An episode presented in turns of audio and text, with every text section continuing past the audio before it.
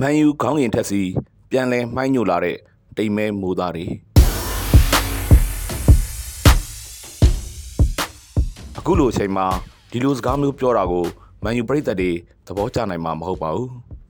အသင်းကလမ်းကြောင်းမှန်တစ်ခုထက်ကိုရောက်ရှိနေချိန်စူစီယာအမြင့်ဆုံးပုံစံကိုရရှိထားချိန်ဟန်ချက်မျှတမှုအကောင်းဆုံးအနေအထားဖြစ်နေချိန်မှာမန်ယူအတွက်အရာရာကကောင်းပေညွန့်ပေတွေဖြစ်လာရတော့မယ်လို့ပရိသတ်တွေကမျှော်လင့်နေကြတာပါမန်ယူရဲ့အသင်းလိုက်ကစားအား စိတ်တပိုင်းဆိုင်ရာယုံကြည်ချက်ကအခုချိန်မှာအားအကောင်းဆုံးဆိုတာကတော့ရွှင်းချက်မရှိလက်ခံရမယ့်အမှန်တရားပါပဲ။ဒါပေမဲ့လက်ရှိမန်ယူဟာပြည့်ပြည့်စုံနေတဲ့မန်ယူမဟုတ်သေးပါဘူး။ပြည့်ပြည့်နေစေမန်ယူတိဆောက်နေစေမန်ယူအဆင့်မှာသာရှိနေပါသေးတယ်။မလင်းတဲ့မီဒီတစ်လုံးမလုံခြုံတဲ့ထင်ရတစ်ချက်ကျိုးပယ်နေတဲ့ကြမ်းကင်းပေါက်တစ်ပေါက်အတန်းကြောင်နေတဲ့ကျိုးတစ်ချောင်းမိုးယိုနေတဲ့အပေါက်တစ်ပေါက်စသဖြင့်ဖြစ်ပေါ်လာခဲ့ရင်ပြန်လည်တိဆောက်ဆဲအသင်းတစ်သင်းက အနည်းနဲ့အများဆိုသလိုခံချက်ပြတ်သွားတယ်လို့ရှိတာမမေ့သင့်ပါဘူး။မန်ယူက reading ကို3ဂိုးတကိုးနဲ့အနိုင်ရခဲ့တဲ့ FA Plus ရုပ်ထာအဆင့်ပွဲစဉ်မှာနိုင်ပွဲအတွက်မန်ယူပေးလိုက်ရတဲ့တန်ဖိုးကကြီးမားလွန်လာပါတယ်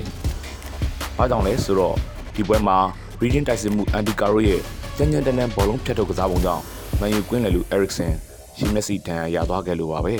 ။စစ်စစ်မှုအပြေတွေထွက်ပေါ်လာတဲ့အချိန်မှာမန်ယူရဲ့အထိနာချက်ကပိုလို့ပြင်းထန်သွားခဲ့ရပါတော့တယ်။ ဘာကြောင့်လဲဆိုတော့ Eriksen ရဲ့တန်ရာဟာပြင်းထန်လွန်းတဲ့အတွက်၃လနီးပါးအနားယူရလိမ့်မယ်လို့အပြေထွက်ပေါ်လာခဲ့လို့ပါပဲ။အစောဆုံးအဖြစ်အသင်းအတွက် Eriksen ပြန်ကစားနိုင်ခဲ့မယ်ဆိုရင်တော့ Ivela နောက်ဆုံးသတင်းပတ်ကိုရောက်မှသာဖြစ်နိုင်လိမ့်မယ်လို့မန်ယူကအသိပေးထားပါတယ်။အဲဒါကြောင့်ပဲဇန်နဝါရီကာလကစားသမားအပြောင်းရွှေ့စည်းကွက်နောက်ဆုံးနေ့မှာမန်ယူကကွင်းလယ်လူတယောက်ရရှိဖို့အသေးအတန်ကြိုးစားခဲ့ပြီးအဆုံးသတ်မှာတော့ဘိုင်ယန်မြူနစ်စီမှာပွဲထွက်ခွင့်ရဖို့ရုန်းကန်နေရတဲ့စာပစ်စာကိုမန်ယူကအငှားစာချုပ်နဲ့ ခေါ်ယူလိုက်နိုင်ပါတယ်။ဒီနေရာမှာတွေးစရာရှိလာတဲ့မိကုံးကစာပစ်စာဟာအရစ်ဆင်ရဲ့နေရာကိုအပြည့်အဝအစားဝင်ပေးနိုင်မှာမလားဆိုတာပါပဲ။စာပစ်စာဟာကစားသမားကောင်းတစ်ယောက်ဖြစ်တယ်ဆိုတာကို live စစ်နဲ့အတူသက်သေတူထားပြပါပြီ။သူဟာဘိုင်ယန်မြူနစ်စီကိုပြောင်းရွှေ့ပြီးမှပုံမှန်ပွဲထွက်ခွင့်ရဖို့အတွက်အသေးအတန်ရုန်းကန်ရတဲ့အခြေအနေစီကိုရောက်သွားခဲ့ရတာပါအခုတော့ Eriksen ရဲ့ကွက်လက်ကိုယာယီအစားဖြစ်ပေးဖို့အတွက်ဆာဗစ်ဆာက မန်ယူစီကိုရောက်လာခဲ့ပါပြီမေးစရာရှိလာတာကမန်ယူနီးပြအီရစ်တန်ဟာဆာဗစ်ဆာကိုအမာခံပွဲထွက်ကစားသမားအဖြစ်ယုံကြည်မှုအပြည့်နဲ့နေရာပေးပါမလားဆိုတာပါပဲတေချာတစ်ခုက Eriksen နဲ့ဆာဗစ်ဆာတို့ဟာကစားပုံချင်းအရန်ကိုကွာလွန်လာပါတယ်ဒီတော့အတုံးမတက်ရင်ပေါ့စီလိုလိုကြောင်းအုပ်ထိုးလိုက်ခါမှစီးအတွက်လေးသွားမှာကိုစိုးရင်ရပါတယ်။မန်ယူဟာအခုဖေဖော်ဝါရီလထဲမှာပွဲချက်တွေဇက်တိုက်ကစားရဖို့ရှိနေပါတယ်။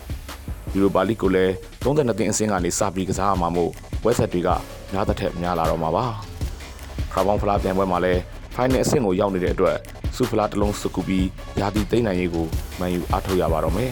။ယူရိုပါလိမှာရင်ဆိုင်ရမယ့်ပြန်ဘက်ကဘာစီလိုနာဖြစ်နေတာကြောင့်အဲ့ဒီပွဲစဉ်ကလည်းမန်ယူအတွက်စင်ခေါ်မှုကြီးမားလွန်းနေမှာပါပဲပြီးတော့ပရီးမီးယားလိအဖေဖလားယူရိုပါလိနဲ့ခရာဘောင်းဖလားပြိုင်ပွဲ၄ခုအကြားမှာပတ်ချာရမ်းမသွားရလေအောင် မန်ယူကြိုးစားရပါလိမ့်မယ်အခုချိန်မှာတော့ခရာဘောင်းဖလားချန်ပီယံဖြစ်ရင်းနဲ့ချန်ပီယံလိဝင်ခွင့်တနေရာစာရရှိတို့ကိုအာယုံစုနေထားတာကမန်ယူအတွက်အကောင်းဆုံးပါပဲမန်ယူအတွက်အဲရစ်ဆင်ရဲ့အရေးပါမှုအခန်းကဏ္ဍကအယံပဲကြီးမားလွန်လာပါတယ်သူကခါဆက်ကစားသမားဂျိတ်ဆက်ကွင်းဆက်လို့ဖြစ်နေတဲ့ကစားသမားဖြစ်နေတာကြောင့်ပါပဲသူ့ကိုဒဏ်ရာကြောင့်လက်လွတ်လိုက်ရတာကမန်ယူအတွက်ခါဆက်ပြတ်တယ်လို့ဖြစ်ကောင်းဖြစ်သွားနိုင်ပါတယ်သူ့နေရာကို အပြည့်အဝအစားဝင်ပေးနိုင်မဲ့သူမျိုးရှိမနေတာကြောင့်မန်ယူနီးပြရွေးတန်းဟာကစားကွက်ကိုပြောင်းမလားဒါမှမဟုတ်အတွဲဖက်ပုံစံကိုပြောင်းလဲမလားစသဖြင့်လီလန်တစ်ခုရှာဖွေရတော့မှာပါပဲယူရိုပါလိပွဲစဉ်တွေဝင်ရောက်လာပြီဆိုတာနဲ့ပွဲဆက်တွေကများတစ်ထက်များလာတော့မှဖြစ်လို့ကစားသမားအများစုကပွဲပန်းလာပါလိမ့်မယ်ဒီကာလမှာပြန်ပွဲချင်းကပ်ပုံနီလန်တစ်ချက်မှားသွားလို့အထိနာခဲ့ရတဲ့အသင်းတွေတမိုင်းကြောင်းထဲမှာအများအပြားထွက်ပေါ်ခဲ့ပြီးပါပြီ။ဒေတာတစ်ခုကတော့ Eriksen တန်ရရသွားတာဟာမန်ယူအတွက်ရှိုးကွေတစ်ခုဖြစ်ပေါ်လာတာပါပဲ။ဒီရှိုးကွေအသင်းနဲ့အတူမန်ယူကောင်းကင်တက်စီပြန်လည်မှိုင်းညိုလာတဲ့တိမ်မဲမိုးသားတွေကိုရွေးတန်းဟန်နဲ့မန်ယူဝိုင်းတော်သားတွေဘယ်လိုရှင်းလင်းပယ်ရှားပစ်လိမ့်မလဲဆိုတာကစောင့်ကြည့်ခြင်းစရာပါပဲ။